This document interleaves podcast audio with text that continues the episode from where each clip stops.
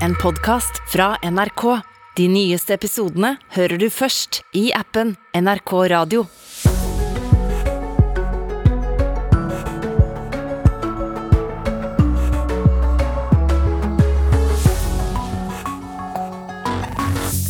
God morgen, det er mandag 25. april, og dette er noe av det vi skal snakke mer om i dag. Så ble det Emmanuel Macron som er Frankrikes neste president også, men valgseieren hans ble altså mindre enn for fem år siden. Og hvordan han skal representere alle franskmenn, som han sier, det skal vi snakke mer om ganske snart. Den amerikanske utenriksministeren Anthony Blinken og forsvarsministeren Lloyd Austin besøkte president Zelenskyj i den ukrainske hovedstaden i går kveld. Pollensesongen er i gang. Astma- og Allergiforbundet klager nå på alternative behandlere som lover lindring mot plagene.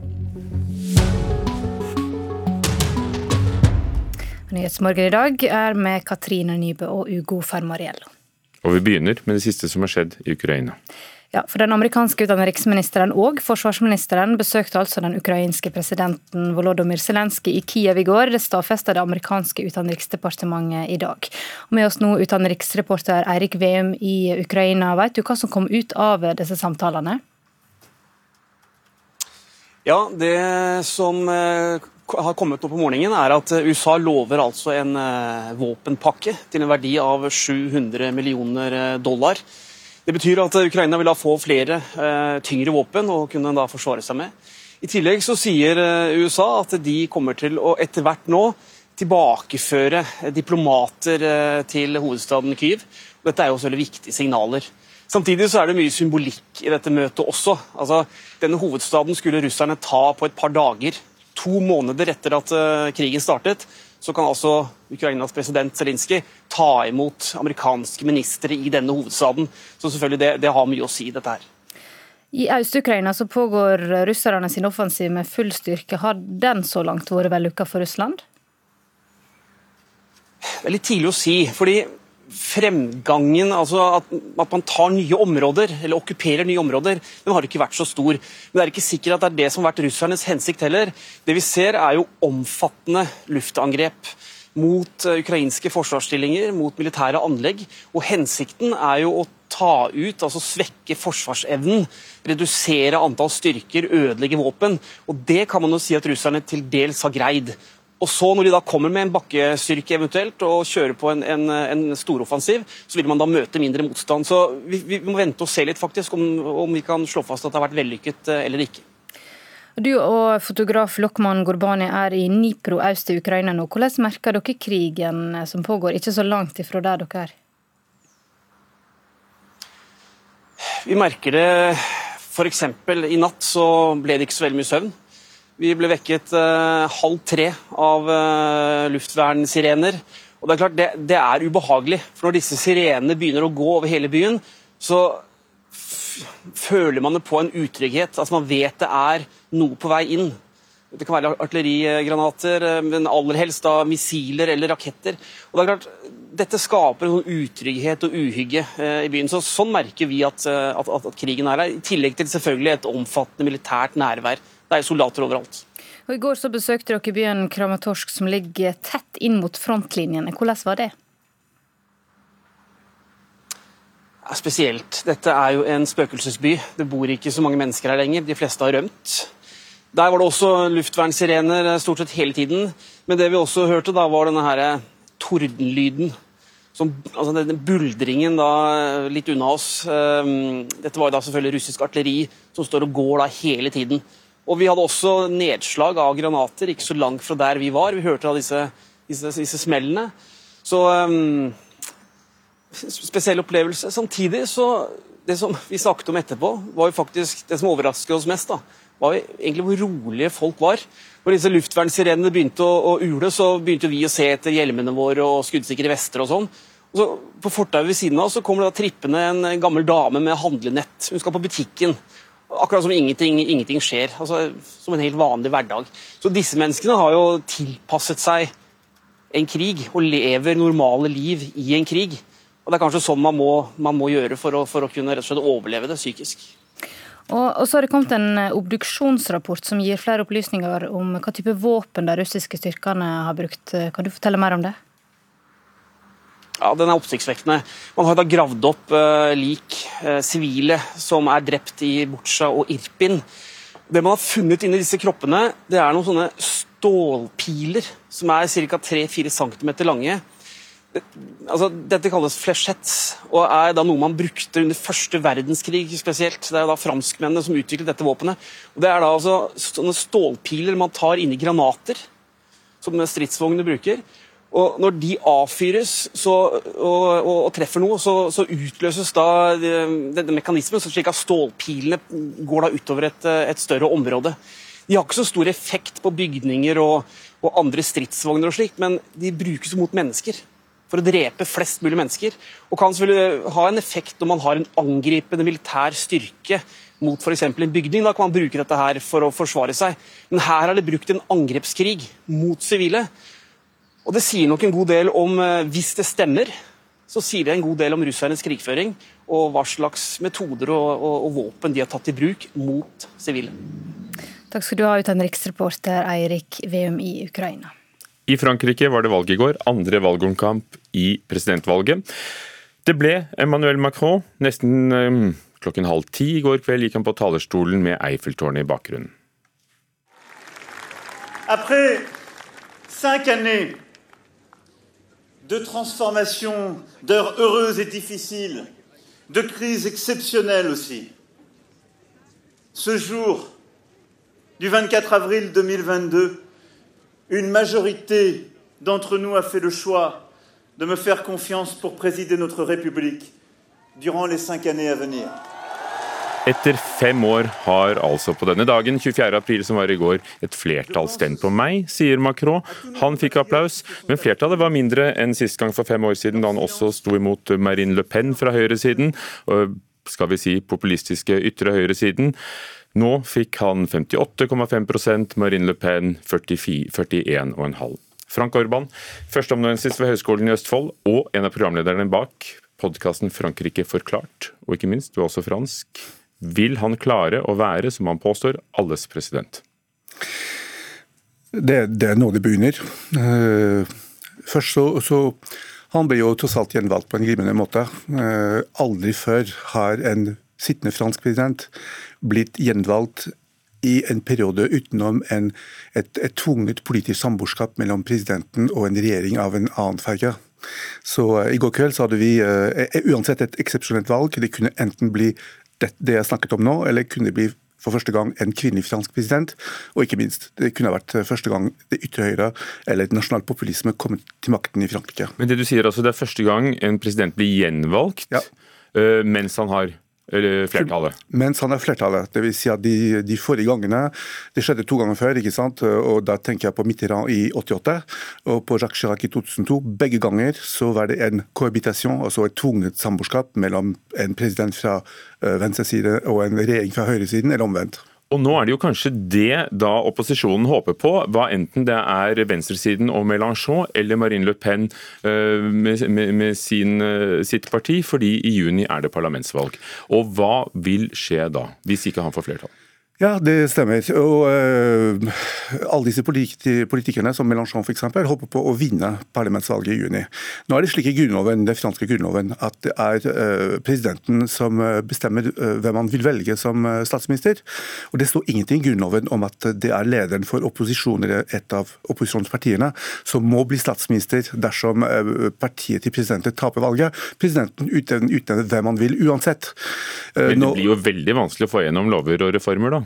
Eh, det blir det. Altså, hadde Le Pen vunnet valget, så kunne man kunne stilt spørsmål om Le Pen hadde fulgt opp eh, på en måte den republikanske og demokratiske tradisjonen ved å utnevne en leder fra opposisjonen dersom hennes parti hadde tapt parlamentsvalget i juni.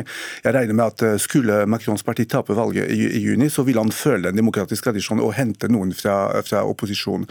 Men øh, dynamikken, i hvert fall helt siden 2002, har vært at når president vinner valget, så vinner hans parti eller hans flertall flertall vinner parlamentsvalget en måned senere. Det har ikke vært noe unntak siden. Vi får se i juni. Det mange kommentatorer snakker om i Frankrike, er splittelsen. Eh, og han sa det selv, eh, Macron, i sin tale, og ble buet ut. Han sa dere må ikke bue, men jeg innser at det er mange som har stemt for meg bare for å stoppe Madame Le Pen. Og at det er mange som overhodet ikke identifiserer seg med hans politikk. Men er denne splittelsen verre enn før, enn den var den gangen Mitterrand Chirac holdt fortet? Det stemmer så godt. Altså, Den splittelsen har aldri vært til stede. Det, bortsett fra at den, nå har den byttet navn.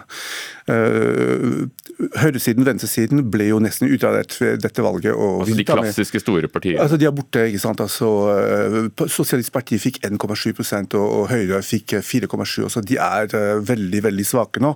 slik at det gamle skillet, Nå snakker jeg kun om nasjonalt plan. Fordi På kommuneplan, på fylkene og alle der, så lever disse tradisjonelle regjeringspartiene de lever veldig godt. De lever ville. Men man har fått en todeling i det franske politiske system, hvor den aksen nasjonalt er aksen mellom globalistene og nasjonalistene. Det ble bekreftet i går. Eh, og på lokalplan så har man fortsatt eh, den, den gamle aksen mellom venstre og høyre, med eh, Sosialistpartiet og de andre venstrepartiene som er ganske sterke, De grønne f.eks. Og på, på høyresiden så er det republikanerne, som er det gamle gaullistiske partiet. Chiracs parti. Ja, nettopp, ikke sant. Sarkozys parti. Og, og, det som er interessant, det er jo at parlamentsvalget er jo kontaktpunktet mellom disse to virkelighetene. Det vil si at du, du, du, du altså du har din, din velgerkrets, ikke sant? Og, og, så har du to omganger. Og lokalpolitikken slår mye kraftigere inn eh, i parlamentsvalget. slik at eh, Hvis du ser f.eks. på Le Pen, og ser på parlaments, eh, altså franske, den franske nasjonalforsamlingen nå eh, Le, Le, Pens parti eh, altså kom til andre omgang av presidentvalget i 2017, men hadde kun åtte representanter ved, ved, ved, altså i, det, i, dette, i denne nasjonale forsamlingen nå. Så, slik at eh, Hvis du skal lykkes, så må du skape allianser. Og Det sliter eh, Nasjonal Samling med. Å skape allianser for å vinne et valg, og det vil også være med Mélenchons problem. For Det virker som når man hører på intervjuet med noen av de andre partiene, så er det en voldsom aversjon mot, mot, Macron på den, siden, ene siden og, og Le Pen eh, på den andre. Hvordan har du som franskmann, men kanskje litt mer interessert enn vanlig, siden du, du underviser i dette, ja. opplevd denne valgkampen? Eh, som en ekstrem polarisert. En ekstrem polarisering som absolutt ligner på den polariseringen man hadde på 70-, 80- og 90-tallet mellom venstresiden og høyresiden. Eh, og en, eh, altså det, det, er liksom to fronter som står opp mot hverandre. Antimakronisme på den ene siden og antilepinismen på, på, den andre siden. Med en vesentlig del av befolkningen, omtrent en tredjedel, som meldte seg ut og ikke stemte. Hvem meldte seg ut denne gangen? Eh, velgerne som ikke kjente seg igjen verken i eh, Macron eller Le Pen, og venstrevelgerne som eh, nektet å ta stilling til den ene eller den andre. Ja, hvor mange var det som ikke stemte denne gangen? Omtrent 28% Det er jo det, det nest høyeste frafall for et valg siden 1969. Nettopp. 72% stemte. Ja. 28 som ikke stemte, og det er mye. Det er en tredjedel. Frank Orban, førsteamanuensis ved Høgskolen i Østfold, og ikke minst en av stemmene i podkasten Frankrike forklart. Eh, jobber vel med en ny episode, kan jeg tenke meg. Takk for at du kom til Nyhetsmorgen. Flere brannverneksperter som NRK har vært i kontakt med, frykter at de feil og mangler som er avdekket i leilighetsbygget Pernup i Trysil, er toppen av et isfjell. I november i fjor la kommunene umiddelbart bruksforbud på bygget pga. brannfare. Beboerne i 18 leiligheter ble heimløse. I 2018 ble det satt i gang et arbeid for å gå gjennom eh, bygg- og branntryggleiken ved norske bygg, og etter fire år har det fremdeles skjedd lite. Vi jobber med saka, sier Nancy Porsanger Anti, som er statssekretær i Kommunal- og distriktsdepartementet. Trysil-saken viser jo hvor viktig det er med tilsyn og kontroll for å avdekke alvorlige feil og mangler, og det også før det er for seint. Det sier Nancy Porsanger Anti.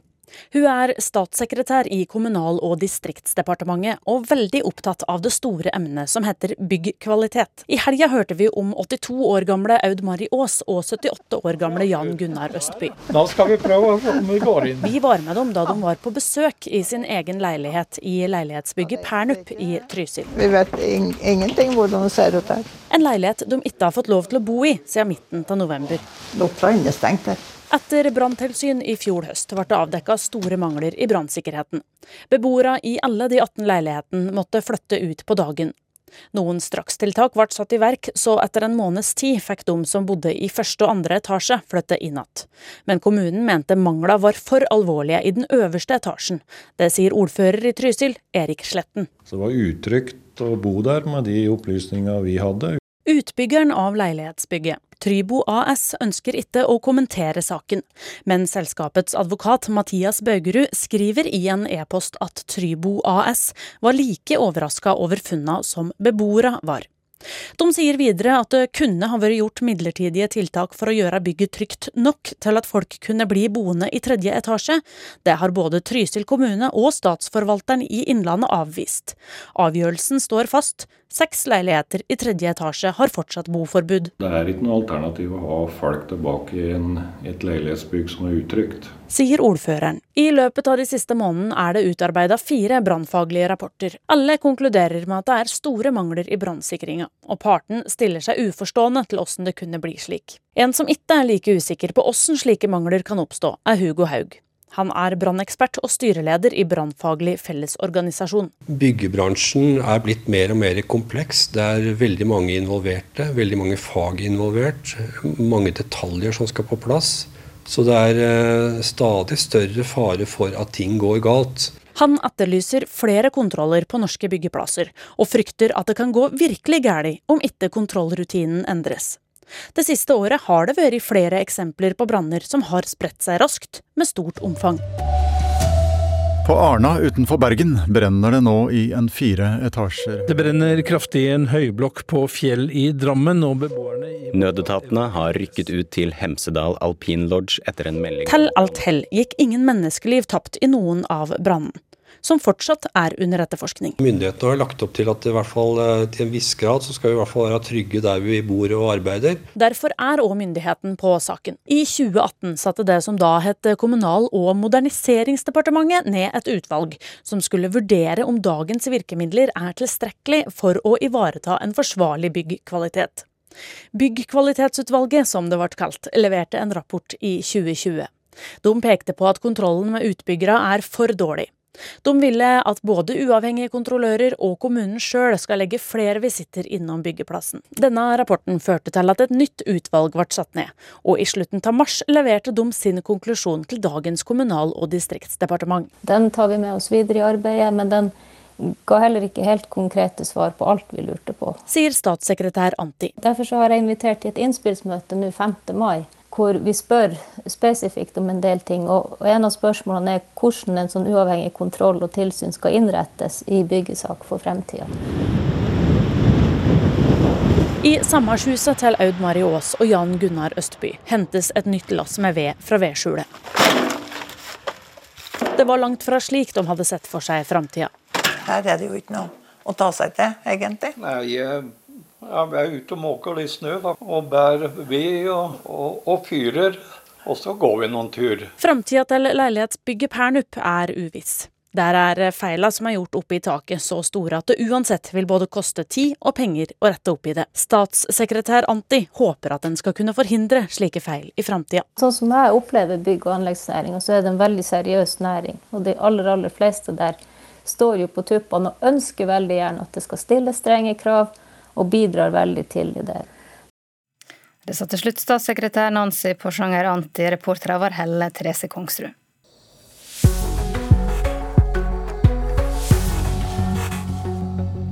Klokken er 6.49 hvert øyeblikk. Du lytter til Nyhetsmorgen i NRK.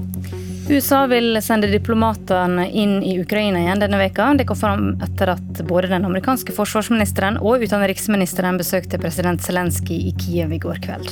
I går ble Emmanuel Macron den første presidenten på 20 år som er blitt valgt til eh, andre periode i Frankrike. Og aldri før har så mange bøker blitt sensurerte, eller forsøkt sensurerte, i USA, ifølge Norsk Penn. Mer om det snart. Utleiere av elsparkesykler burde være pålagte å forsikre kundene sine. Det mener Trygg Forsikring.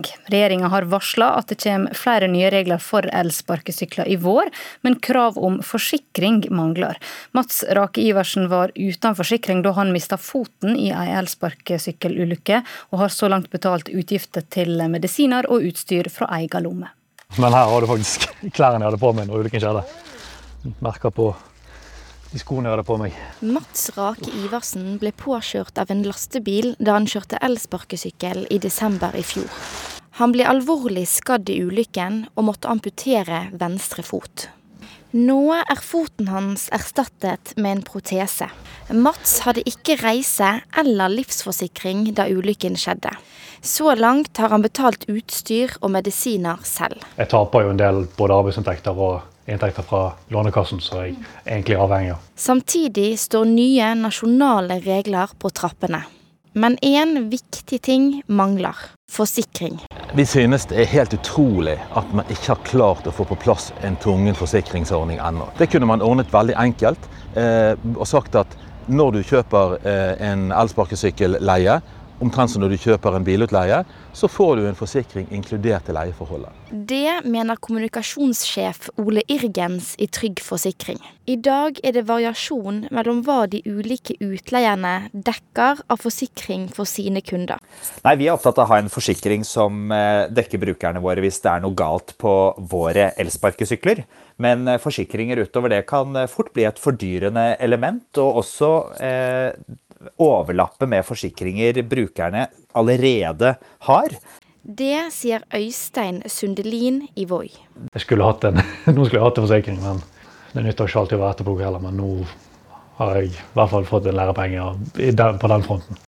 Lastebilsjåføren er sikta i saka, det opplyser Vest politidistrikt. Reporter der var Synne Lykkebø Hafsås. Det var kamp mellom Rosenborg og Molde i Eliteserien i fotball i går uten mål, men sportsreporterne våre sier at det som alltid når disse to lagene møtes var intenst og spennende, selv om det altså ikke ble noen mål. Men Molde var veldig nær. Og så detter den ned her, og så titter den! Nei, så er det offside! På Martin Linnes og Rosenborg unnslipp! Det er noe eget ved oppgjørene mellom de to erkerivalene i norsk fotball, Rosenborg og Molde, uansett utfall. Ola Brynildsen kom til flere sjanser for gjestene, men fikk ikke uttelling denne gang. Så spørs det om Molde ble snytt for et straffespark etter at Brynildsen ble felt av Markus Henriksen. Poengdeling likevel greit, for Rosenborg forsvarte seg godt. Rosenborg-trener Kjetil Rekdal var ikke fornøyd med alt som skjedde på gressmatta. Du spiller for å vinne, og det prøvde vi jo på, da, men det, det, var, det, var, ikke så lett. Det. det var to lag som drev og blokkerte hverandre. så ja, da ble det tight og jevnt, lite sjanser. og så Det jeg er mest misfornøyd med, er at vi spiller for mye bakover. Eh, når vi, spesielt når vi kommer oss løs i mellomrommet. At vi da ikke utnytter at vi har eh, fått spilt av et, en lagdel eh, eh, til Molde. For det du vet når du spiller disse kampene her at det er liksom ikke ei åpen gate å angripe i hele, hele kampen gjennom. så da må du utnytte når du klarer det. Så vi prøver hele veien. Det, det er det viktigste. Og mentaliteten til guttene er bra. Det, vi er kanskje ikke gode nok til å klare å bryte ned Molde ennå heller, men vi får prøve på det neste gang. Det var Rekdal, det.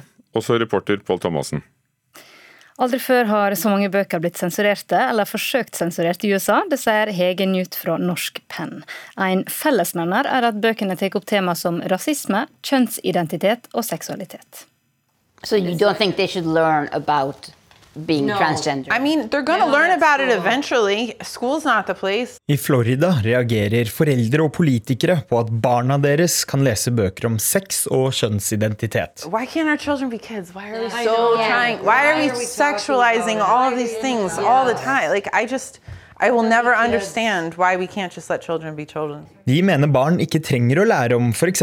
transseksuelle, eller skeive, eller rasisme. Derfor sensurerer USA stadig flere bøker på sine skolebibliotek og pensum. According to New York Times, the pace at which groups of parents and officials and lawmakers are challenging books in school libraries has reached a speed that many haven't seen in decades. Parents and school officials banning books at an unprecedented rate. Record requests. Mellom juni i fjor og mars i år har bøker blitt sensurert hele 1586 ganger på grunnskoler med over to millioner elever, viser en rapport fra Penn America. En stor andel av bøkene er skrevet av ikke-hvite eller LHBTQ pluss-forfattere, og mange har døpt dette for USAs nye kulturkrig. The new culture war raging across America is over books. Sammen argumenterer menneskene bak sensureringene at de ønsker å beskytte barna sine, forteller Hege Newth i Norsk Penn. Primært så gjelder det bøker for eh, barn, ungdom og unge voksne. Så det er liksom for å beskytte barna våre mot eh, bøker som kan ha krenkende, sårende eh, innhold, eller inneholde sex seksuelle deskripsjoner eller uh, beskrive kjønnsidentiteter eller andre ting som kan forderve barna våre. Parents should have the right to know what their children are learning. The curriculum, are you talking to my child about something very deeply personal to them? Men ifølge USA-ekspert Gjermund Stenberg Eriksen handler denne kulturkrigen om noe større nemlig en politisk kampanje drevet av republikanerne. Skole og barn brukes eh, til det å spille på avsky og harme for å splitte krefter i Det demokratiske partiet. Sammen med en lengre strategi fra Steve Bannon, som ønsker å engasjere alle i basen i skoledemokratier, for da får du fler og mer lyd om deres konservative budskap. Så dette er en slags form for mobilisering på lokalt nivå for å vinne valgkamper? Helt klart. Dette har de holdt på med eh, i å bruke kulturkonservative, splittende temaer for å svekke demokratene og mobilisere egne rekker. Dyktig og fint siden 70-tallet og abortsaken. Det er den samme kreftene som gjelder her. Så trodde veldig mange av oss at homosaken ikke kunne mobilisere eller prøve å vinnes valg på igjen. Men eh, etter 2016 med Donald Trump så er tydeligvis alle skitne triks oppe og mulighet til å bruke igjen. Newth er bekymret for barna som går glipp av de mange historiene i samfunnet ved at bøker blir sensurert. Det er så viktig for uh, våre barn å få oppleve og få lese om uh, mangfoldet og kompleksiteten i samfunnet og virkeligheten rundt oss. Lese om alle de som ikke er akkurat som oss selv, eller kanskje nettopp å lese om de som er som oss selv. Det er så viktig for uh, våre barn. My little boy has long hair. He doesn't think he's a girl. He's got long hair. Like he just, he's a Viking prince. Reportere var Siamak Nematpour. Det var Spellemannutdeling på fredag. Og i forrige uke var det jo flere artister som var misfornøyd med at noe av prisene var blitt delt ut før selve dagen. Men det gir seg ikke med det. Også etter utdelingen er det kommet reaksjoner.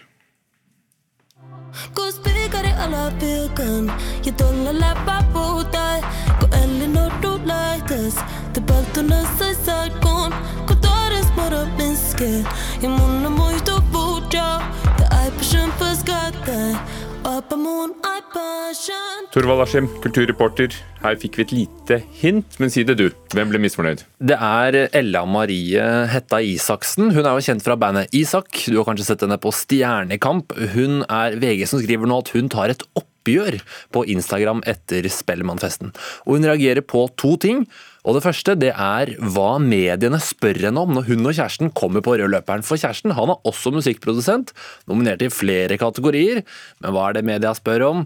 Giftermål og russetid spurte de også om, og det syns hun er um, Hun reagerer på at de ikke spør om musikken hans når han er nominert i flere ting. Det var det ene. Hva er det andre hun reagerer på? Det andre det er en opplevelse hun har av stemninga på festen. Hun skriver på Instagram da at inni foajeen kommer jeg i snakk med kjentfolk, men hver gang jeg åpner munnen, så begynner de å se rundt seg i lokalet. Det er alltid noen der som er viktigere enn deg, alltid noen man heller burde snakket med. Så denne gangen så er ikke kritikken rettet mot arrangøren, eh, det er mot media og bransjefolka som får høre det denne gangen. Og, og um, Isaksen er jo kjent for å tørre å mene ting i media om identitet, om, om miljøvern, om diskriminering. Så dette er jo ikke så hardtslående, men det er jo litt morsomt at det også er litt furore rundt prisutdelinger i Norge, og ikke bare i USA. Skal du si at neste år, da, da sitter alle benket foran et millionshow foran skjermen. Eh, er det noe annet fra Spellemann vi burde få med oss, hvis vi ikke har fått det med oss allerede? Det morsomste som jeg så, var når Girl in Red får årets album. Da er det ingen ringere enn Billie Eilish, kanskje verdens største artist om dagen. Girl in Red var også USA, det var Billie Eilish. De er der, klemmer, koser, hun deler ut prisen. Veldig, veldig morsomt klipp. Var hun i Norge? Nei, de var, de var på Coachella. Ja, sånn var det, ja. ja. Veldig morsomt klipp. Vi fant det ikke her. En, Nei, men vi har det på nrk.no. Gå inn på nettet, gå på NRK, så skal du se et morsomt klipp. Torvald Askim, takk skal du ha. Alle snakker om valget i Frankrike. Ikke så mange snakker om valget i Slovenia. Jo, vi gjør det i Nyhetsmorgen, nemlig i neste halvtime. Men aller først er det Dagsnytt, og så noen ord om andre ting du kan høre på NRK.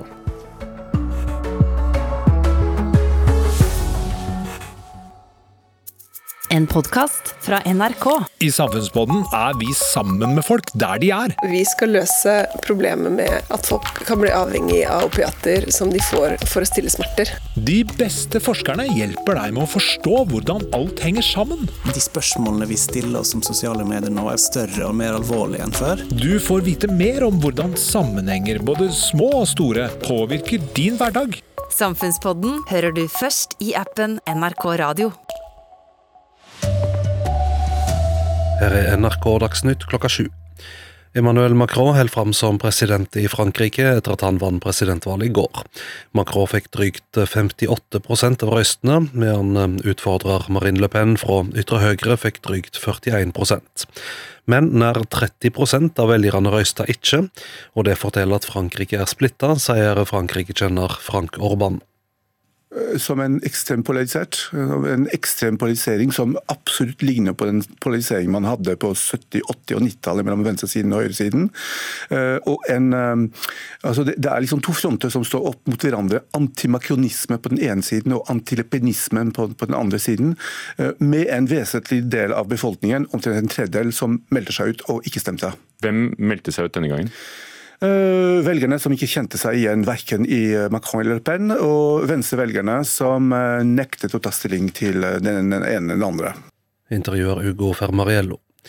Åtte av ti nordmenn støtter at Norge skal gi mer militært utstyr til Ukraina. Det syner en undersøking Norstat har laget for Norsk-ukrainsk venneforening. Seks av ti svarer i samme undersøking at de mener Norge har gitt for lite militær støtte til Ukraina. Støtta er størst blant Arbeiderpartivelgere, men det er også stor støtte for å gi mer militært utstyr blant velgere i andre partier. Utleiere av elsparkesykler burde vært pålagde å forsikre kundene sine, mener Trygg Forsikring. Det kommer nye regler for utleie senere i vår, men eh, krav om forsikring mangler. Det kunne man ordnet veldig enkelt eh, og sagt at når du kjøper eh, en elsparkesykkelleie, omtrent som når du kjøper en bilutleie, så får du en forsikring inkludert i leieforholdet. Det mener kommunikasjonssjef Ole Irgens i Trygg Forsikring. I dag er det variasjon mellom hva de ulike utleierne dekker av forsikring for sine kunder. Nei, Vi er opptatt av å ha en forsikring som eh, dekker brukerne våre hvis det er noe galt på våre elsparkesykler. Men eh, forsikringer utover det kan eh, fort bli et fordyrende element, og også eh, overlappe med forsikringer brukerne allerede har. Det sa Øystein Sundelin i Voi, reporter Synne Lykkebø Hafsås. En rekke helseorganisasjoner og andre aktører ber regjeringa gjeninnføre en avgift på sukker i matvarer. Det skriver Aftenposten. I ei høringsrunde ber Nasjonalforeningen for folkehelsen, Landsforeningen for hjerte- og lungesyke, Kreftforeningen, Diabetesforbundet, Tannlegeforeningen og Forbrukerrådet om at eh, sukkeravgifta må komme tilbake. Avgifta ble fjerna i fjor på sjokolade- og sukkervarer, samt på alkoholfrie drikkevarer. NRK Dagsnytt, Vidar Eidhammer.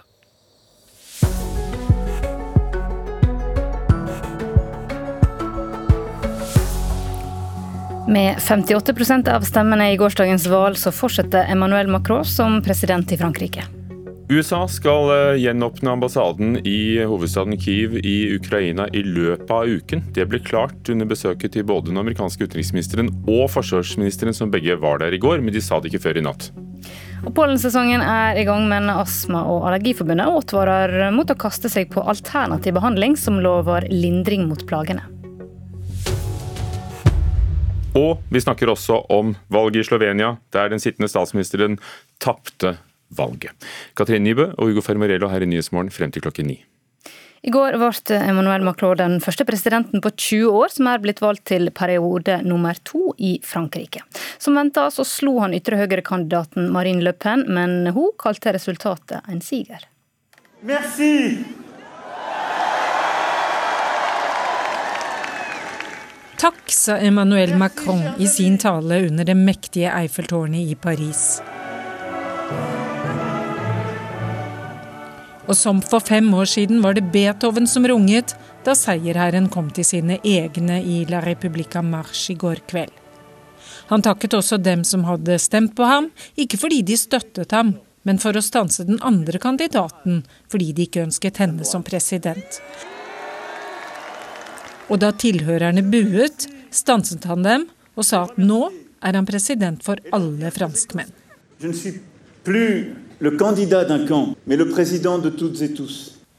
Macron hadde ledet klart på meningsmålingene foran denne andre valgomgangen, men gapet i resultatet mellom de to kandidatene ble større enn det som ble spådd på noen av meningsmålingene i forkant. Og tilhengeren Mathias var strålende fornøyd med resultatet. Nå skal vi jobbe mer for et felles Europa, et godt økonomisk program og mer miljøvern, sa han. Lenger vest i byen arrangerte Marine Le Pen og hennes Nasjonal Samling valgkveld i et ærverdig lokale i Boulogne-skogen. Her sto champagneglassene klare, stablet i store tårn, klare til fest. Men da klokka ble åtte og valgprognosen ble presentert, sank stemningen fort. Og selv om Le Pen har tapt valget, er det likevel med det beste resultatet Nasjonal Samling har oppnådd i et presidentvalg. Og hun startet talen sin med å si at dette slett ikke var noe nederlag. Le résultat de ce soir représente en lui-même. Men blant medlemmer og støttespillere låt det ganske annerledes. Jeg er skuffet, sa et av partiets medlemmer i nasjonalforsamlingen, Thierry Mariani. I slutten av denne valgkampen ble det presentert en slags skrekkfilm, sier han til NRK. Hvis hun hadde vunnet, ja da ville det vært slutten på verden, den ville ramlet sammen, sier han smilende. Nå skal vi se fram til valget på nasjonalforsamlingen. Da håper vi på en majoritet, sier han. Det valget er i juni. Resultatet der kan bli avgjørende for hvor mye Emmanuel Macron får gjennomført av sin politikk de neste fem årene. Sa reporter Marit Kolberg i Paris. Ja, Simen Ekern, vår europakorrespondent på plass på gaten i Paris. Hvordan var stemningen? Du var på Macrons valgvake under Eiffeltårnet i går. Ja, det var jeg. Det var eh, god stemning. Og det var jo et storslått opplegg da, under Eiffeltårnet med Beethoven, som vi hørte, da Emmanuel Macron og kona Brigitte eh, til slutt kom og han skulle holde tale, så var de så omgitt av en flokk med barn, eh, så, så, det var ikke noe diskré eh, affære. Og folk var glade, det var de absolutt. Og lettet, tror jeg veldig mange av dem jeg snakket med, eh, nevnte først og fremst lettelsen over at det ikke er Marine Le Pen som blir president i Frankrike, som, som, deres første reaksjon da jeg spurte om, om de var fornøyde med, med kveldens resultat. Hun sa jo da faktisk, som vi hørte i klippet her, at hun hadde en, en, en, strålende seier. Men det er jo altså 16 prosentpoeng mellom de to. Hun fikk 41,5% og han fikk 58,5 Hva er forklaringen på, på at det ikke ble enda tettere, som noen hadde spådd? Jeg tror kanskje han var inne på noe i den reportasjen som vi nettopp hørte, at eh, sluttfasen eh, av kampanjen var mer preget av harde fronter. Emmanuel Macron lykkes nok også litt mer i å få fram eh, hva slags valg dette egentlig var, når han snakket om Europa, f.eks. Det var jo et vanskelig punkt for Marine Le Pen for fem år siden, da velgerne ble litt skremt av at hun tilsynelatende ikke hadde noe særlig prosjekt for hvordan hun skulle eh, lede Frankrike uten EU og uten euroen. Nå hadde hun jo tonet ned prosjektet litt, men Emmanuel Macron fikk nokså tydelig fram at om ikke Le Pen sa hun ville ut av det europeiske samarbeidet eh, i teorien, så ville det i praksis bli sånn. og Det har kanskje gjort en del velgere bekymret. Igjen litt av samme grunn som forrige gang. Vet vi egentlig om Marine Le Pen er i stand til å styre dette landet? Tja, kanskje gjør vi ikke det. Det kan eh, ha bidratt. Den ikke så fryktelig gode innsatsen i den store debatten kan ha vært en annen årsak. Men det er klart, for Marine Le Pen så kan dette framstilles som en seier likevel, all den tid hennes parti aldri har vært så stort i, eh, eh, i et presidentvalg. og og all den tid ytre høyre samlet også aldri eh, har gjort det så bra siden andre verdenskrig. Og nå sier folk eh, nær henne at dette ikke er hennes siste presidentkampanje, men hun, hun, hun, legger vekt på parlamentsvalget nå i juni. Er det en eh, vinnerstrategi, tror du, å, å satse på å få så mange som mulig inn i nasjonalforsamlingen? Ja, Det er det jo. Det har alltid vært vanskelig for, eh, for, Le Pens parti å få til det. Jeg tror det stemmer at hun kommer til å prøve nå. Hun, hun, hun er nok drevet av en slags lyst til å prøve enda en gang, men samtidig så skal vi huske på at forrige gang hun tapte, så ble det voldsomme interne stridigheter. Og eh, tapet var nok også eh, en årsak til at det kom en utfordrer fra ytterste ytre høyre i denne valgkampen, Eric Zemmour, og truet jo en stund med å, å dytte Marine Le Pen ned fra eh, ytre høyre-tronen i Frankrike. Så det blir ikke ukomplisert for henne heller eh, å fortsette, selv om de mest presserende utfordringene da er det, er det nok Emmanuel Macron som skal, som, som skal finne ut hvordan han skal løse nå da umiddelbart, allerede fra i dag. Hvordan styre et land som tilsynelatende er så splittet som Frankrike. Hvordan skal man lytte til velgerne når velgerne sier så veldig mye eh, forskjellig, og, og, og, ofte helt motsatte ting? Eh, det er bare å, å brette opp ermene for Emmanuel Macron, for dette kommer til å bli eh, en eh, vanskelig femårsperiode for ham. Takk skal du ha, Simen Ekern fra Paris-morgenen. Og som vi har hørt eh, i denne sendinga, så skal USA åpne sin ambassade i den ukrainske hovedstaden Kiev i løpet av denne veka. Det ble klart under besøket til utenriksminister Anthony Blinken og forsvarsminister Lloyd Austin i helga. Korrespondent Jan Espen Kruse i Moskva, hva kommentarer er det i russiske medium til at eh, den amerikanske utenriksministeren og forsvarsministeren eh, var på besøk? Ja, eh, Russiske statlige medier de eh, omtaler denne saken ganske bredt, men det har ikke kommet noen eh, offisielle kommentarer til besøket ennå. Men i går så, sa, sa, ble det sagt i russiske medier at disse våpenleveransene som USA står for til Ukraina, og som da skal fortsette, de vil forlenge og forverre konflikten. Så de russiske kommentarene er for så vidt kritiske, og det kommer sikkert mer i løpet av dagen. Det kommer også melding om en kraftig brann i et oljelager i byen Bryansk, 15 mil fra grensa til Ukraina. Hva mer vet du om det? Ja, Det blir sagt at eh, det ble hørt eh, ganske kraftige eksplosjoner før denne brannen eh, brøt ut. Og det dreier seg om en veldig kraftig brann. Det er mannskapet på stedet for å forsøke å slokke denne brannen. Bransk ligger altså en 10-15 mil fra grensa til Ukraina. I denne regionen så har ukrainerne tidligere gjennomført angrep angrep, eh, påstår i hvert fall russiske myndigheter. Altså angrep over grensa på russisk område. Eh, det har ikke kommet påstander om det denne gangen, men, eh, og det har heller ikke blitt sagt noe om årsaken til brannen. Så det fører naturligvis til en del spekulasjoner om hva som egentlig er grunnen. Og Britisk etterretning mener at Russland planlegger en folkeavrøsting i byen Kherson i nærleiken av Krimhalvøya for å rettferdiggjøre den russiske okkupasjonen. Blir denne saka omtalt i Russland? Ja da, eh, denne saken blir diskutert i, eh, i, russiske medier. Eh, Russland arrangerte jo en folkeavstemning på Krimhalvøya i 2014 og, og, brukte denne folkeavstemningen som en, et argument for å annektere Krimhalvøya. Nå spekuleres det da på om, om russerne vil gjøre det samme i Kherson-regionen, som ligger vest, litt vest for Krimhalvøya, for eventuelt å, å å, å, kunne ta denne regionen også og formelt hevde at, at, det også blir en del av uh, Russland. En, en framtredende general sa jo for et par dager siden at uh, Russland har som langsiktig mål å ta hele kystlinjen vestover fra Krimhalvøya også, fram til Moldova. Så Kanskje inngår dette i, i denne planen, men, men, dette er altså etterretningsopplysninger. og Dette er ikke noe som er bekreftet da, på russisk side. Og så har en av Russlands største artister og TV-profiler, Maksim Galkin, kritisert russiske styresmakter for grusomheter i Ukraina. Hva går den kritikken ut på? Ja, eh, Maksim Galkin og hans eh, kone Ala Alla Pugatsjova, som er en enda større kjendis i Russland, kanskje den største av dem alle.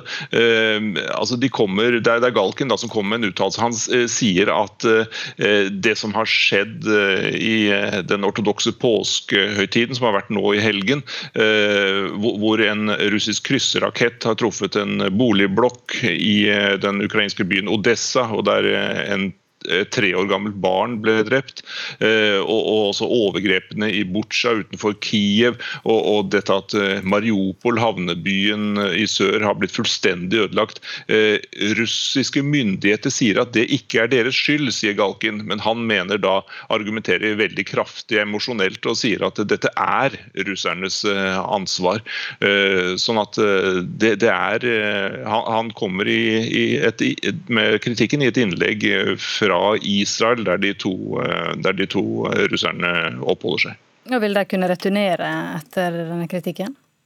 Ja, Den store russiske avisa Komsomolskaja Pravda skriver at uh, dette her er et hysterisk uh, utfall fra Galkin sin side.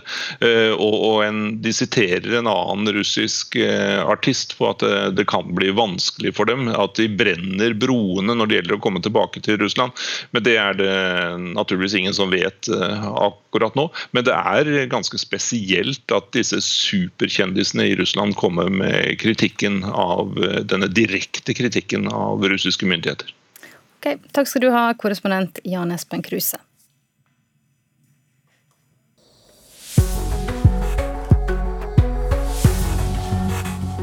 Klokken kvart over syv og vel så det. Dette er Nyhetsmorgen i NRK. USA lover 700 millioner dollar ekstra i militærstøtte til Ukraina, og at diplomatene skal tilbake til Kiev. Emmanuel Macron vant presidentvalget i Frankrike med 58,5% Seieren hans mot Marine Le Pen var mindre enn for fem år siden. Og I Slovenia har også et flertall av velgerne sagt nei til en høyrepopulistisk politiker i valget i går. Hva med homeopati og akupunktur mot pollenallergi? Dette tilbys og mm, averteres med på sosiale medier. Men Astma- og Allergiforbundet reagerer på flere konti, bl.a. på Instagram, eh, hvor alternativbehandlere hevder at vanlige allergimedisiner også kan gi helseplager. Det forteller seniorrådgiver Anna Bistrup i eh, forbundet, og nå har de klaget til Forbrukertilsynet.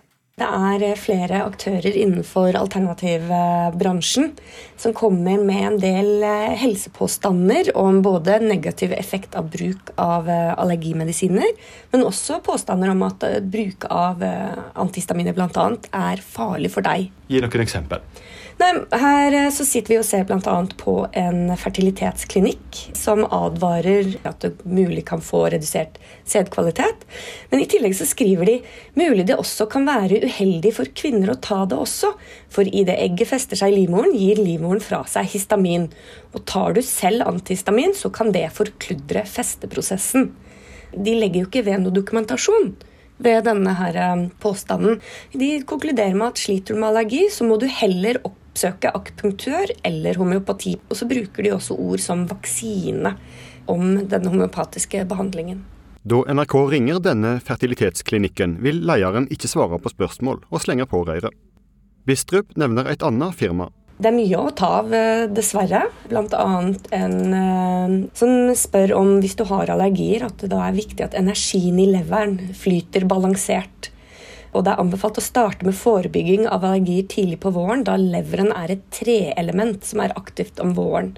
Og at soneterapi og øreakupunktur kan være et meget god effekt på disse plagene. Ja, stemmer. Leveren den er veldig aktiv nå. Denne tiden her, når alt spirer og gror. Det sier hun som skrev dette på Instagram, Britt Marion Sørensen, som driver firmaet Godfoten på Raufoss. Det er viktig å få balansert nå i denne tiden her, som det er eh, pollensesong og roa ned, kan du si. Hvor mange pollenallergikere behandler hun? Tre personer daglig ca., og det har en veldig positiv effekt. Mange har blitt veldig bra. Hvor går grensene for hva du kan si om behandlingen din og effekten av behandlingen din? Ja, så Jeg kan si kan ha, jeg har aldri lov til å love. Nå har vi tatt kontakt med Forbrukerombudet, rett og slett, fordi vi mener at en del av disse aktørene her bryter lovverket. Det er eh, villedende markedsføring. De gir helseråd uten å ha belegg for det. Vi får henvendelser fra publikum som forteller at de har blitt rådet til å ta en en homopatipille framfor antihistaminer i pollensesongen. Og be folk om å slutte med den behandlingen som er velutprøvd og anbefalt av et samlet medisinsk fagmiljø, det er uetisk og i mine øyne også ulovlig. Og Vi vet jo det at en dårlig behandlet allergi kan føre til allergisk astma. Så det å be noen om å slutte med behandlingen sin er uh, veldig uheldig. Forbrukertilsynet vil ikke intervjues før de har fått vurdert klagen. Men seksjonssjef Nina Elise Dietzel skriver at regelverket for markedsføring av alternativ behandling er strengt, og det er f.eks. ikke tillatt å hevde at behandlinga vil ha effekt mot konkrete sykdommer eller lidinger. Sørensen beklager at Astma- og Allergiforbundet har klaga henne og andre inn til Forbrukertilsynet. Nei, altså jeg syns jo det er eh, veldig synd, da. Altså, jeg syns det er helheten som teller. Jeg, at vi har muligheten eh, både med medisiner og alternativ. Jeg syns den helheten er veldig viktig. Det sa alternativbehandler Britt Marion Sørensen i firmaet Godfoten på Raufoss til vår reporter Leif Rune Lørland. Det er mye makt som ligger i språket, og det skal vi lære enda en gang når Politisk kvarter kommer på lufta om litt, programleder Lilla Sødusvik. Ja, i dag er jeg litt usikker på hvordan vi skal formulere oss. Det handler også om de skolene som ikke er offentlige, men som likevel får mesteparten av inntektene sine fra offentlige midler. Steinar skole, Montessori-skole, toppidrettsgymnas og en rekke andre såkalte priv, priv, det, profilskoler. Og, og, yrkesskoler også, som har litt mer naturfag, litt mer idrett eller noe annet eh, enn en den offentlige skolen. Ifølge regjeringen så har det blitt oppretta én ny privatskole per måned, mens det samtidig er nedlagt tre offentlige skoler i måneden. Og den utviklingen den vil de stanse. Ja, Det sa du ordet, kanskje? Privatskole? Ja, og det var fordi jeg siterte Arbeiderpartiet og regjeringen. da. Når de borgerlige styrer, da heter det friskole. Og du kan jo høre her hva kunnskapsminister Tonje Brenna syns om det uttrykket. Det å kalle den gamle loven for friskole, og det er litt sånn høyretriks, hvor man later som da at de skolene de er fri, mens den offentlige skolen den er ufri. Og sånn er det jo ikke. Og Da blir det debatt både om ordbruk og ikke-offentlige skoler hos deg i dag. Ja, Kristin Clemet, som er den som sto bak friskoleloven i sin tid, er ikke veldig imponert over Tonje Brenna, som hun skal møte i debatt. 7.45, altså. Politisk kvarter, ja. Politikk også i Slovenia, der eh, de har lyktes å mobilisere 70% av velgermassen til valget på nasjonalforsamling i går. og Det er mye mer enn sist, for da var det 52% som stemte. Så noe har skjedd. Og bl.a. at det var eh, det liberale opposisjonspartiet Frihetsbevegelsen. Det ble dannet så sent som i januar. De vant med klar margin i underkant av 35% av stemmene. Og sittende statsminister Janis Jansa høyrepopulist, får 24% Roger Siverin Bruland, Blink-korrespondent. Eh, hva forteller dette valgresultatet?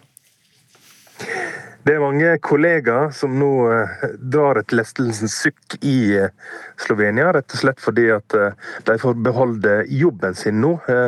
Jansa gikk jo til krig mot sin kringkasting og det nasjonale nyhetsbyrået. og Jeg har gode venner i Slovenia som, som, jobber der, og som har hatt det tøft i mange år. De har ikke visst om de har hatt jobb fra måned til måned, for, for Jansa har som Viktor Orban i Ungarn hatt et sterkt ønske om å kontrollere flere eh, statlige eh, medium. Og eh, for de som ikke helt vet hvem den høyrepopulisten er, så kan jeg jo si at han var vel den eneste som gratulerte Donald Trump med valgseieren i fjor. Valget som Trump tapte. Som viser litt den her grenseløse populismen til, til Jansa, som har skapt store problemer i, i Slovenia. og har vært en del av denne illiberale eh, klubben sammen med Ungarn og Polen, som, som har laga en del trøbbel i EU.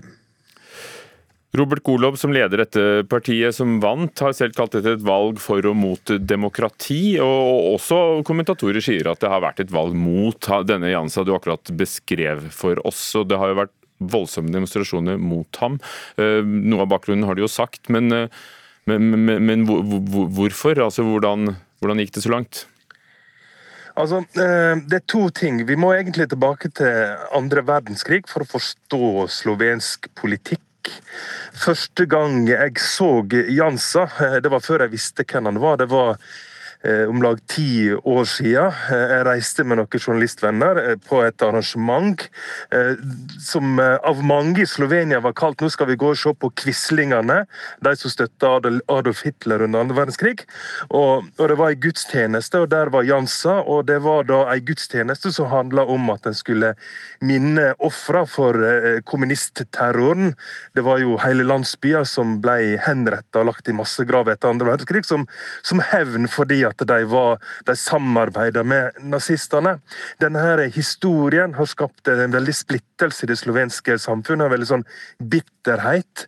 Slik at eh, jeg har blitt fortalt at det er nesten vanskelig å gå i familieselskap der, eh, selv om det her er et lite, lite land eh, på Balkan. Og, og, og Jansa han kommer jo ut av det politiske miljøet og, og har jo klart å blitt statsminister flere ganger, men en, en ser nå at eh, at han eh, begynte mer og mer å, å, misbruke sin posisjon. Han satt jo også i, i fengsel for korrupsjon, men klarte å bli gjenvalgt. Og, og, det må vi forstå gjennom det her historiske bildet. Men nå ser en jo det at den her populismen hans har gått for langt, og at eh, folk har begynt å reagere. Folk eh, har begynt å gå til stemmeurnene.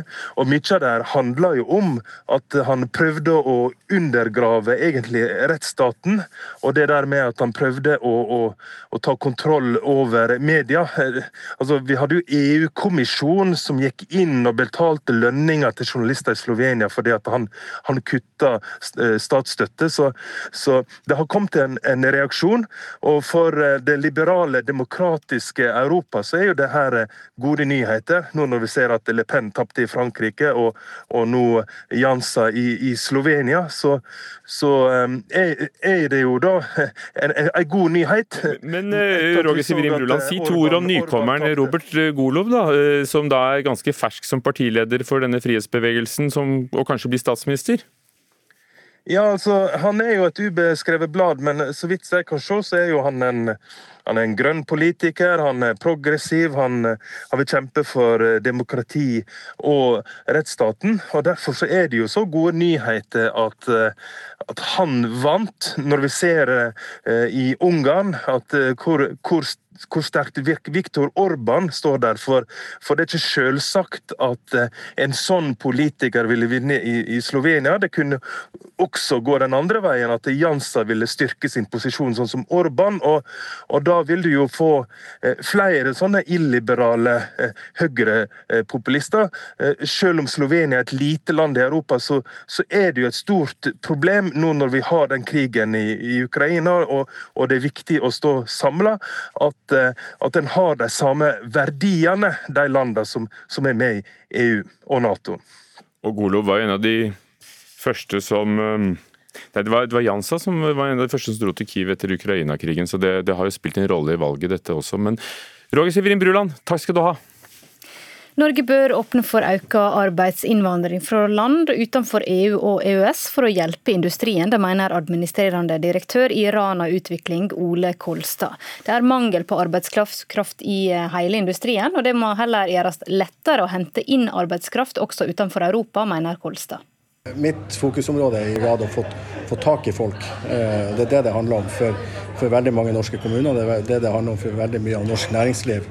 Få tak i mer folk. Og vi er antageligvis 100% avhengig av å gå utenlands for å få tak i de folkene. I Mo i Rana bygges nå Norges første batterifabrikk.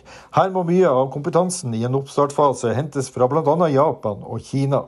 I dag har norske myndigheter satt en kvote på 5000 arbeidsinnvandrere fra land utenfor EU. En grense som så langt ikke er nådd, sier statssekretær i Arbeids- og inkluderingsdepartementet fra Arbeiderpartiet, Maria Valberg. Og Hvis man skal hente inn eh, personer utenfor EØS, eh, så krever det eh, at man har den kompetansen som etterspørres, og at man har inngått en arbeidsavtale med bedriften. Og Hvis det er på plass, så er det, så er det en kvote da, som vi aldri har nådd i Norge på, på, på å hente inn personer fra tredjeland. Det er ikke bare i Mo i Rana det planlegges ny grønn industri som på sikt kan gi flere tusen nye arbeidsplasser. Som på 70-tallet, da olja kom til landet, måtte kompetanse hentes utenfor Europa. Ole Kolstad mener vi står foran en lik situasjon som den gang, og utfordrer derfor myndighetene til å være mer fleksible i forhold til å kunne hente kompetanse og arbeidskraft utenfor Europa. Ja, for vi vet at næringslivet trenger mer kompetanse. De trenger mer, eh, flere ansatte. Det er mange som melder om mangel på eh, å få rekruttert eh, arbeidskraft. Og Hvis det er sånn at den kvota på 5000 aldri har vært oppnådd, så bør man kanskje se på hva er det som gjør at man ikke har oppnådd det taket. Vårt mål er at det er personer i Norge som besetter stillinger som blir ledige. Eh, og det er der hovedinnsatsen ligger. I en overgangsfase så, så, kan det virke som man er nødt til å hente inn ekspertise fra utlandet. Og så blir det jo veldig viktig da, man som bedrift og kommune klarer å tenke langsiktig her. Og lage, lage systemer for kompetanseoverføring og læring i bedriften som gjør at man etter hvert har et bredere rekrutteringsgrunnlag enn det man har når man skal etablere en helt ny industri. Det sa statssekretær i Arbeids- og inkluderingsdepartementet, Maria Valberg. Reporter her var Frank Nygaard.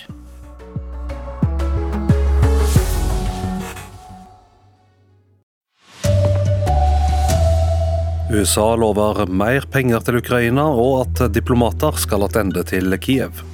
Den franske presidenten heter fremdeles Emmanuel Macron, men sigeren var mindre enn for fem år siden. Det kan gå gale dersom du krasjer på elsparkesykkel uten forsikring. Selskapene er ikke pålagd å forsikre kundene sine. Vi synes det er helt utrolig at man ikke har klart å få på plass en tvungen forsikringsordning ennå. Her er NRK Dagsnytt klokka 7.30. Den amerikanske utenriksministeren Anthony Blinken og forsvarsminister Lloyd Austin Kiev i går, stadfester det amerikanske utenriksdepartementet i dag. De to lover at amerikanske diplomater skal tilbake til Ukraina, og mer penger i militær støtte, sier reporter Eirik Veum i Ukraina. USA lover nå mer og omfattende våpenhjelp til Ukraina. De skal da gi en økonomisk pakke, altså en våpenpakke til en verdi av 700 millioner dollar. I tillegg så sier amerikanerne at de gradvis kommer til å sende tilbake diplomater til hovedstaden Kyiv. Dette er jo selvfølgelig sterke signaler som sendes ut. Dette møtet har jo også mye symbolikk i seg. Det er jo to måneder siden krigen startet. Denne hovedstaden Kyiv skulle jo russerne ta på et par dager. Flere uker etterpå så holdes det altså møte mellom Ukrainas president Zelinskyj og amerikanske ministre. Og Det er selvfølgelig et sterkt signal som sendes ut. Du og fotograf Lokman Gorbani her i Dnipro, men var i går lenger øst, i Kramatorsk. og Hvordan var det der? Ja, det er jo en spøkelsesby. De fleste har jo rømt derfra. Luftvernsirenene gikk jo nærmest kontinuerlig under tiden vi var der. Vi hørte denne buldringen, altså tordenlyden som, som, kommer fra det russiske artilleriet, som da ikke var så langt unna. Vi opplevde at det slo granater ned, ikke så langt fra der vi var. Samtidig så ble vi veldig overrasket over hvor rolige folk var. da. Altså når vi drev og fant frem sikkerhetsutstyr under disse luftvernsirenene, så gikk jo folk rundt omkring som vanlig. Gammel dame trippet jo på fortauet ved siden av oss med handlenett for å gå på butikken for å få tak i mat. Og de har jo lært seg å leve i en krig, og har laget seg en form for en hverdag der. Eirik Veum i Ukraina. Alternative behandlere tilbyr homeopati og akupunktur mot pollenallergi. Astma- og Allergiforbundet er kritisk til påstander der alternativbehandlere også hevder at vanlig allergimedisin kan gi helseplager. Det sier seniorrådgiver Anna Bistrup, som nå har klaga til Forbrukertilsynet. Det er flere aktører innenfor alternativbransjen som kommer med en del helsepåstander om at bruk av antihistaminer bl.a. er farlig for deg. Da NRK ringer denne fertilitetsklinikken, vil lederen ikke svare på spørsmål, og slenger på røret. Bistrup nevner et annet firma. Det er mye å ta av, dessverre. Bl.a. en som spør om hvis du har allergier, at det da er viktig at energien i leveren flyter balansert. Ja, stemmer. Leveren den er veldig aktiv nå. Denne tiden her, når alt spirer og gror. Det sier hun som skrev dette på Instagram, Britt Marion Sørensen, som driver firmaet Godfoten på Raufoss. Hvor mange pollenallergikere behandler hun? Tre personer daglig ca., og det har en veldig positiv effekt. Nå har vi tatt kontakt med Forbrukerombudet, rett og slett, fordi vi mener at en del av disse aktørene her bryter lovverket. Forbrukertilsynet vil ikke intervjues før de har fått vurdert klagen. Men seksjonssjef Nina Elise Dietzel skriver at det er f.eks. ikke tillatt å hevde at behandlinga vil ha effekt mot konkrete sykdommer eller lidinger.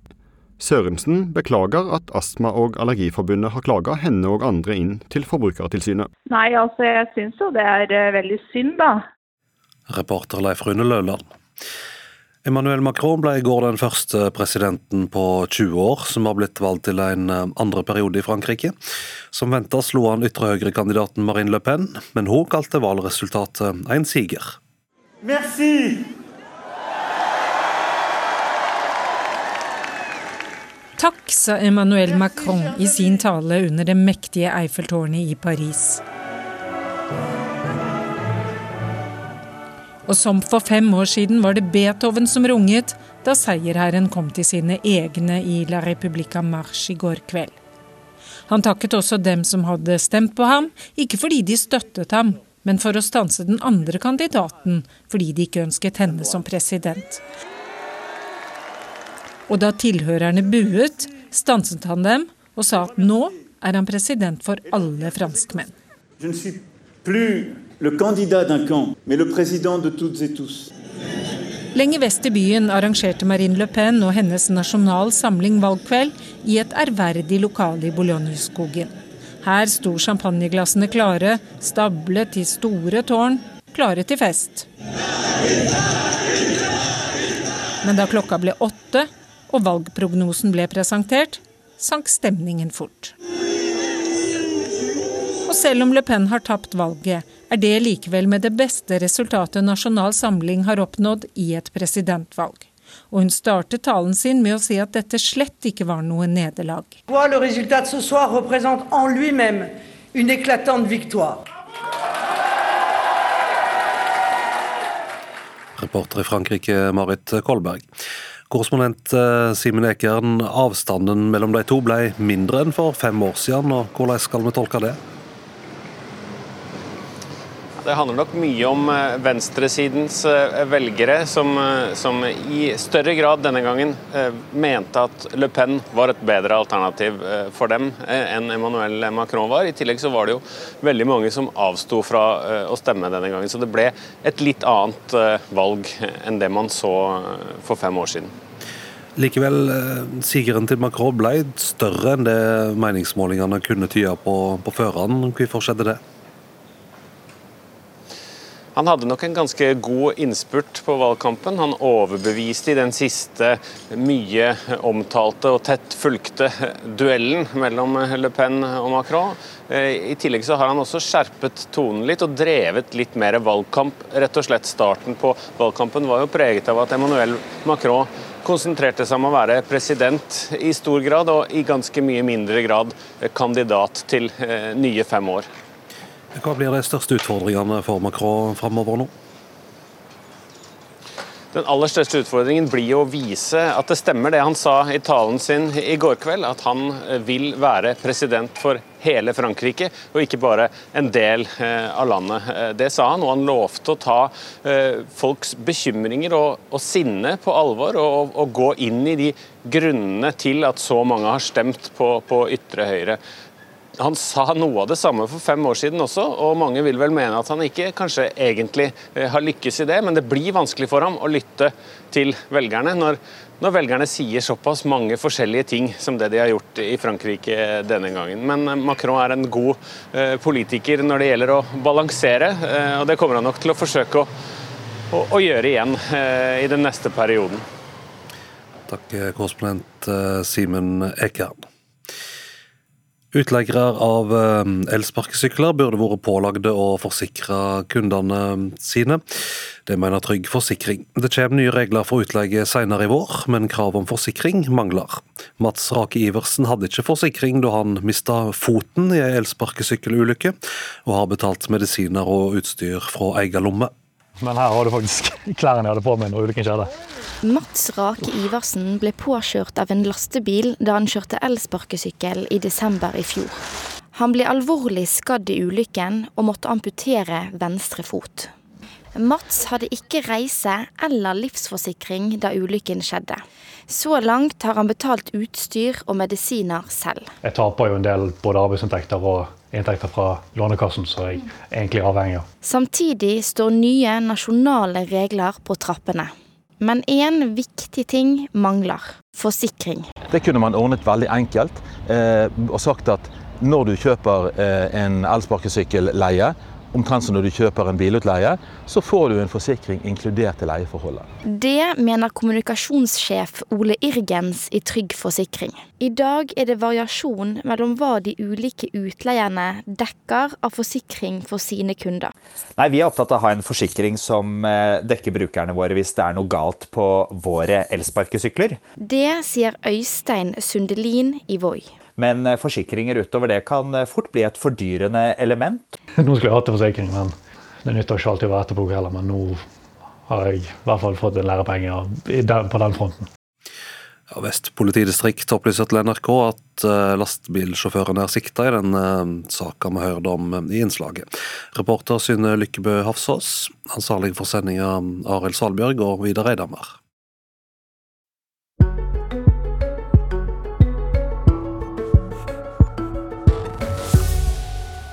Færre konfirmerer seg i kyrkja, samtidig som at tallene for humanistisk eller borgerlig konfirmasjon er rekordhøye. Det syner tall fra Statistisk sentralbyrå. Vi har snakka med noen av ungdommene som skal konfirmere seg i Larvik i år. De forteller at noen kan synes det er flaut at eh, en sier at en skal konfirmere seg kristelig. Hvis det er noen populære som velger borgerlig, eh, fordi de er de som syns kristne og kristelig konfirmasjon som er teit og flaut og rart og sånn, så vil jo bare resten henge seg på de populære. På korøvelse i kirken er fire av konfirmantene som skal stå til kristelig konfirmasjon denne våren. De valgte konfirmasjon i kirken pga. tro, nysgjerrighet og ønske om å lære mer. Jessica Olaisen kan fortelle at noen synes det er flaut å si at man skal konfirmere seg i kirken. Jeg tror kanskje at mange liksom har hoppa fra kristelig til borgerlig fordi de er flaue. Som kristen sjæl, erfaringsmessig liksom, så merker jeg jo at folk behandler meg annerledes når de får vite at jeg tror. Jaran Rød, som går på samme skole som Olaisen, forteller at han har fått noen få reaksjoner, mens Olaisen har fått flere kommentarer. Jeg har fått kanskje litt sånn dømmende blikk, men ikke veldig mye, egentlig. Jeg har liksom fått sånn kommentarer og sånn, og så er det litt sånn Noen ganger så har de ikke snakka rett til meg, men de har snakka med hverandre og så liksom sett på meg for å se hvordan jeg reagerer. Vilde Marie Lundt og Andrea Køhn Lund går på en skole der kristelig konfirmasjon er mer vanlig. De tror stigma varierer avhengig av hvilken skole man hører til. Men det kan også hende at det går, kommer litt også an på hvilken skole du går på. For eksempel, da. For at, uh, på vår skole er det mer populært å i hvert fall konfirmere seg kristelig. ikke sant? Og da er det som ingen som dømmer andre folk. For at egentlig alle de populære tar kristelig. Alle har forskjellige religioner, og det er veldig bra. synes jeg. Det, det, folk kan forholde seg til sine religioner og velge forskjellige ting. ikke sant? På Human-Etisk Forbund sin siste kurskveld er Vilde Aasland Johansen og Victoria Næss Olsen. Jentene har valgt humanistisk konfirmasjon fordi de ikke er troende. De så derfor andre fordeler med konfirmasjon. Det virka mer spennende ut å være her eller så sånn ut, enn å være i kirken og lære litt om menneskesinn. da. De er enige i at det for noen kan være lettere å si at de skal konfirmere seg humanistisk. Kanskje for noen, ja.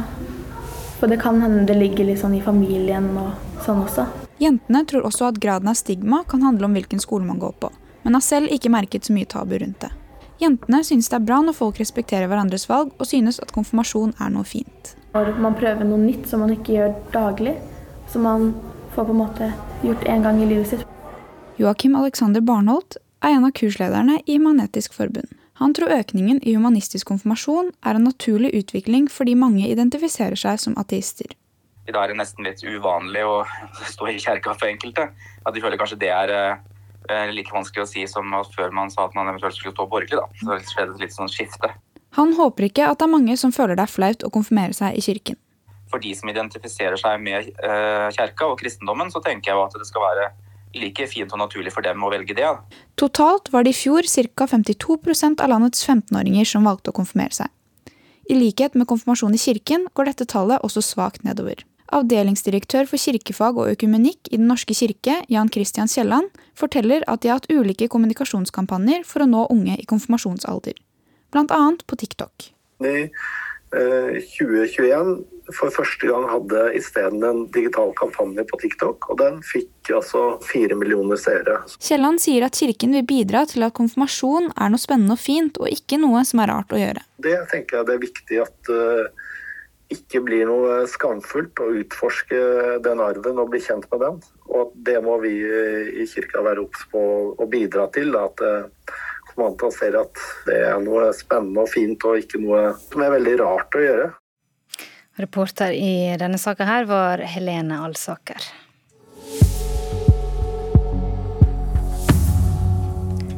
Klokka er 7.44. Det er straks klart for Politisk kvarter, men først litt overskrifter. Russiske styresmakter stadfester at det brenner i et oljelager i byen Bryansk. Byen ligger kring 100 km nord for den ukrainske grensa. Og USA lover 700 millioner dollar ekstra i militær støtte til Ukraina, og at diplomatene skal tilbake til Kiev. Og Emmanuel Macron vant presidentvalget i Frankrike med 58,5% Sigeren hans mot Marine Le Pen var mindre enn for fem år siden. Nå er det klart for Politisk kvarter med programleder Lilla Sølhusvik.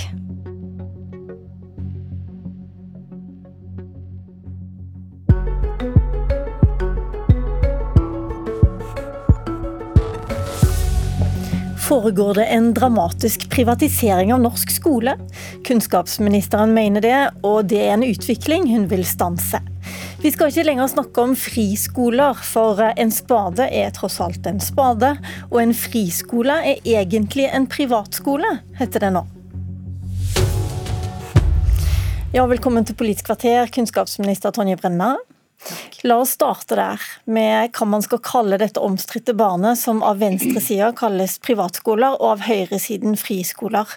Du har sagt at det er et høyretriks å kalle en privatskole for en friskole. Hvorfor det? Det er jo sånn at uh, det å kalle disse skolene for friskoler speiler jo hen til at skolene som ikke da er private, er ufrie, mener jeg. At det er et grep liksom, de borgerlige forsøker å ta, og si at den offentlige skolen er ufri. Og så mener jeg også at uh, når skolene er privat drevet, delvis finansiert av det offentlige selvfølgelig, men også med egenbetaling, akkurat som de private barnehagene, så er det både ryddigere og, mer, eh, og enklere å forstå hvis vi kaller de privatskolene for private skoler, og det gjør vi nå med det forslaget til lovendring som vi legger opp for Stortinget. Men det er jo ikke noe mer privat enn at 85% av inntektene kommer fra det offentlige, og det er strenge regler for hvordan de kan eh, operere som skole. Altså, veldig private blir det jo ikke da. Det er jo akkurat som de private barnehagene, som vi kaller det. Jeg har ikke hørt noe forslag fra Høyre om at vi skal begynne å kalle det for fribarnehager. Så det er jo mer ryddig å si at dette er private skoler. Vi omtaler det som det. Folk forstår hva det er. Og det er ikke noe forsøk på å si at eh, disse skolene er fri, mens andre er mindre fri. Og derfor så må vi kalle privatskoler for privatskoler, for det er det de er. Velkommen til deg også, Kristin Clemet. Du, du er leder av den liberale tankesmien Civita. Men uh, som utdanningsminister så innførte du friskoleloven i 2003. Og da begynte vi å snakke om friskoler. Hvorfor mener du det er et mer riktig begrep? Ja, jeg syns det er ryddig å kalle frittstående skoler eller friskoler og privatskoler. Benevne dem forskjellig, fordi det er helt forskjellige skoleslag. En friskole er i all hovedsak offentlig finansiert og er gjennomregulert av det offentlige. De kan ikke bestemme hvilke elever de skal ta inn, de kan ikke bestemme hvor, mange, hvor høye egenandeler de skal ha, de kan ikke ta ut noen former for økonomisk utbytte. Mens en privat skole kan velge elever selv, har ingen offentlig finansiering og har skyhøye egenandeler. Men det du sier da, er jo at disse skolene er ikke særlig fri de heller? Så, nei, men, altså, her, og det Poenget her med at det er et forsøk på å si at offentlig skole er ufri, det er det ikke. Altså, Begrepet friskoler det finner man i politiske programmer i Norge 50 år tilbake i tid. Det er et begrep som på, brukes på svensk, sikkert like langt tilbake. Går man til Danmark, så brukte man friskolebegrepet helt tilbake på 1800-tallet. Så dette er et veldig vel innarbeidet begrep. Friskole eller frittstående skoler. Man kan gjerne diskutere om man skal bruke et annet begrep, men det er dumt å kalle rene privatskoler med skyhøye egenandeler og eh, private skoler som har veldig små egenandeler fordi de er offentlig finansiert og regulert, og kalle det det samme. For det skaper regelmessig forvirring. Og jeg tror at veldig mange, når de hører ordet privatskole, får assosiasjoner til skoler hvor lommeboken avgjør om du har råd til å gå der, og det gjelder ikke for friskolene. Men altså, etter at du gikk av, så kom åtte rød-grønne år, de snakker om privatskoler. Og så kom Erna Solbergs regjering, og da var det friskoler igjen, og nå skal altså Tonje Brenna kalle det privatskoler. Kan dere ikke Men, bare bli enige om et men, men, men, men, en, en ting er hva det, en ting hva det står i loven, en ting står i loven, noe annet er hva vi kaller dem. Og de har blitt kalt friskoler i 50 år, og jeg er sikker på at Montessori-skoler, Steiner-skoler, KG og St. Sunniva, de kommer fortsatt til å kalle seg friskoler, eller mange kommer til å kalle dem friskoler, selv om loven blir endret. Hva med deg, Brenna? Kan du komme på et litt mer nøytralt begrep? Altså jeg er mer opptatt av hva dette egentlig betyr for Skole-Norge. Problemet her er jo at eh, stadig flere foreldre bruker mange tusen kroner i året på, for å betale for en skoleplass, som egentlig allerede er finansiert, fordi vi betaler jo for utdanningssystemet vårt over skatteseddelen. Ok, Vi skal komme til det, men svaret ditt er egentlig nei. Du vil ikke ha noe mer nøytralt begrep. Det er jo et nøytralt begrep, det er et deskriptivt begrep. De skolene er private, og det må være helt ukontroversielt å kalle de for det, akkurat som vi gjør med barnehager. Kristin Clemet, eh, kan du komme på noe annet enn friskoler? Nei, jeg syns Frittstående skoler heter det formelt, og så kan man omtale som friskoler. Det er et godt begrep som er godt innarbeidet i våre naboland. Og husk på det, i OECD-området så er det denne tredelingen med offentlige skoler, friskoler som i hovedsak er offentlig finansiert, og rene privatskoler finner man i alle land. Ok, i- vi stopper der. La oss gå til eh, sakens kjerne. For disse ikke-offentlige skolene, som jeg får da kalle det i denne sammenheng. Brenna, du har altså tatt opp at det har vært en økning, 30% flere friskoler under Erna Solberg. Hvilke skoler er det du nå ikke vil ha når du legger fram en ny privatskolelov?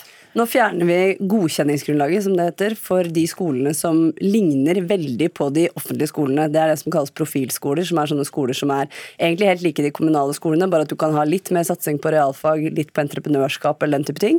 Og det som heter yr private yrkesfagskoler, som jo er det samme som yrkesfagskoler som er i fylkeskommunenes regi. Så vi sier at vi skal ha supplementer til den offentlige skolen, som skal være reelle alternativer, men de skolene som etableres bare for å konkurrere om de samme elevene, egentlig innenfor ganske like skoler som det det offentlige allerede tilbyr, det skal ikke lenger være mulig å etablere.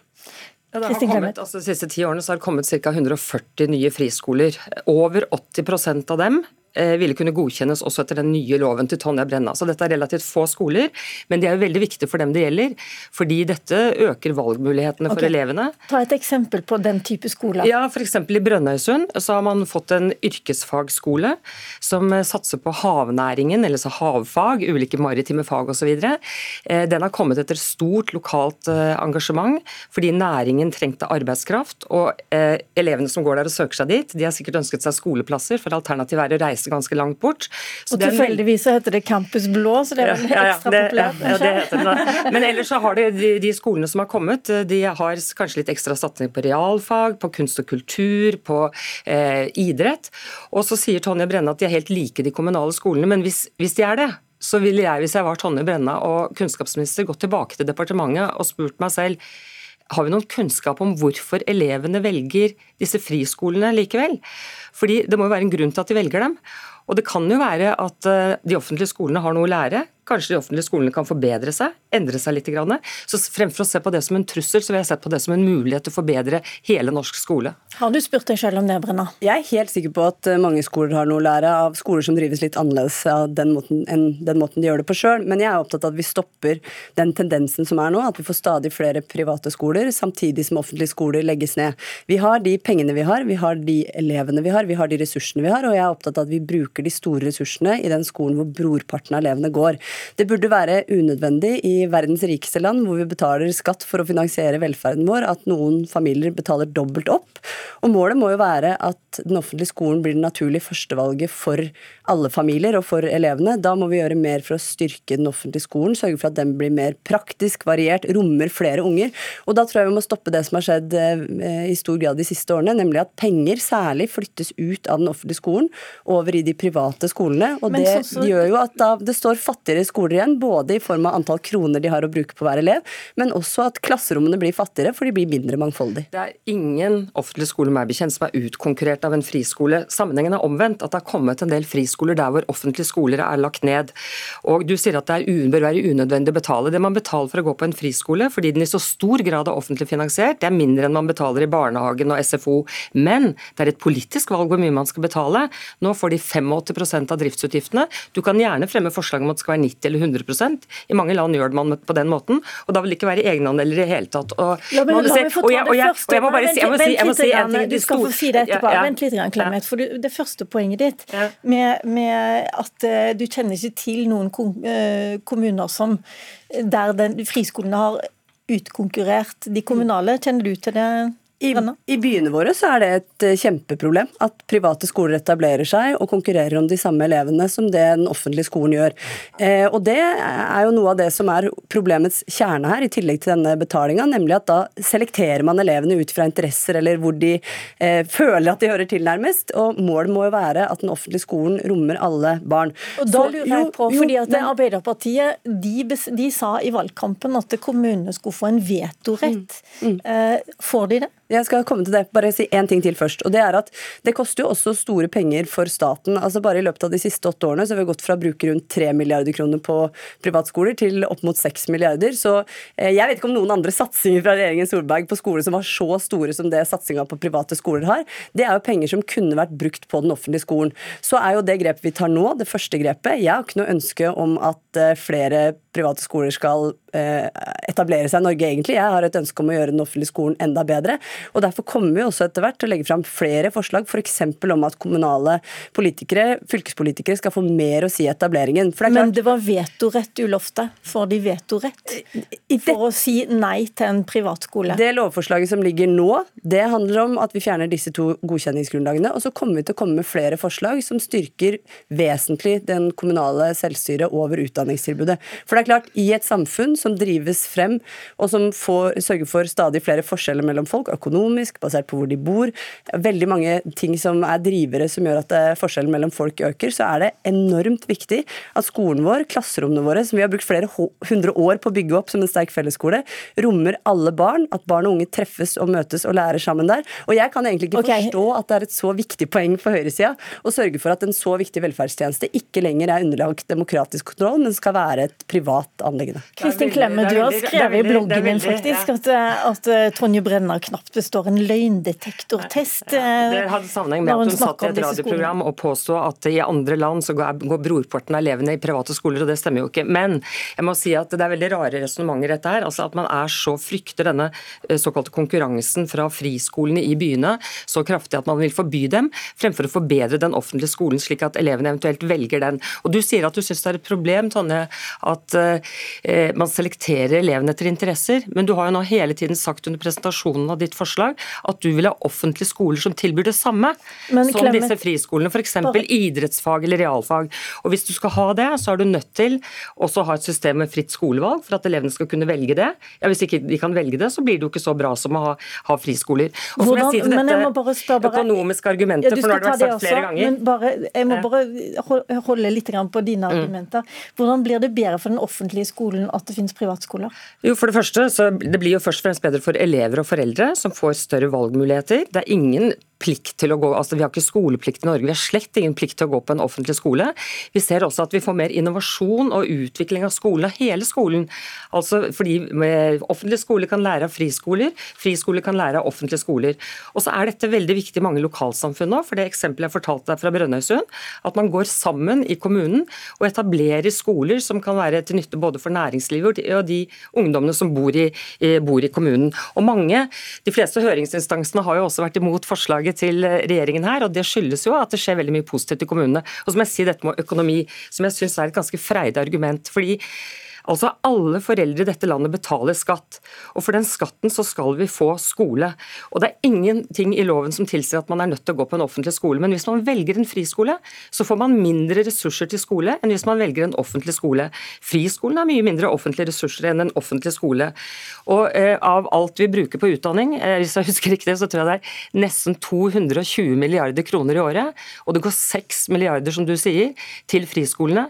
Det er rikelig med ressurser i den offentlige skolen skolen til forbedre seg så mye at den greier å ta opp den konkurransen med disse friskolene som elevene har lyst til å gå på. Jeg frykter jo ikke de private skolene, men jeg velger å prioritere de offentlige, fordi jeg mener at det er der vi har et stort potensial for å styrke muligheten for alle barn. At flere barn skal finne seg til rette, lære mer praktisk og variert, og at flere skoler skal kunne ha forskjellige satsinger, om det er på idrett eller realfag eller hva de ønsker å utvikle seg på. Så må jeg bare si at jeg har til gode å se forskning på at konkurranse både mellom elever og mellom skoler bidrar til å styrke elevenes læring. Jeg forstår ikke, for å, for å være helt ærlig, hvorfor det er et så stort behov fra Høyre å hele tiden si at private skal få drive disse tilbudene, når vi vet at de er ekstremt viktige for folk. Her snakker vi jo ikke om varer, vi snakker om ungene våre som skal ha en best mulig start i livet. og Jeg er ikke villig til å ta den risikoen det er å si at vi gjør f.eks. sånn som man har gjort i Sverige, privatiserer i så stort monn som man har gjort der. Eh, vi trenger ikke reise lenger enn dit for å se også hva den type segregering av samfunn kan gjøre, med tanke på at det blir mer sosial uro og større forskjeller mellom folk. Og skoleresultatene har heller ikke blitt bedre etter man privatiserte skolen der. Nei, jeg tror ikke man kan... Er Sverige et mål for deg, Clement? Nei, altså Sverige skiller seg veldig ut når det gjelder måten man regulerer friskolesystemet på. Men det finnes masse interessant forskning. Man har sett på hvilke skolesystemer eh, får man til innovasjon, positiv skoleutvikling. To land som skiller seg positivt ut, er Danmark, som har en høy friskoleandel, og Nederland, som har en skyhøy friskoleandel. Og så må jeg også si at Det er blitt gjort forskning på hvorfor foreldre, hvilke motiver har foreldre for å velge en friskole for sine barn tidligere på 2000-tallet. Og Det fremste motivet var at de ønsket seg en mer mangfoldig elevgruppe enn den man ofte får på nærskolen, som er preget av at det er det man kaller bostedssegregering, at vi bor forskjellige steder. og Derfor så blir det veldig ofte et ensidig skolemiljø på mange av de offentlige nærskolene. Veldig godt. Og nettopp derfor så mener jeg at vi må gjøre det vi kan for å styrke den offentlige skolen, sånn at alle barn finner seg til rette der.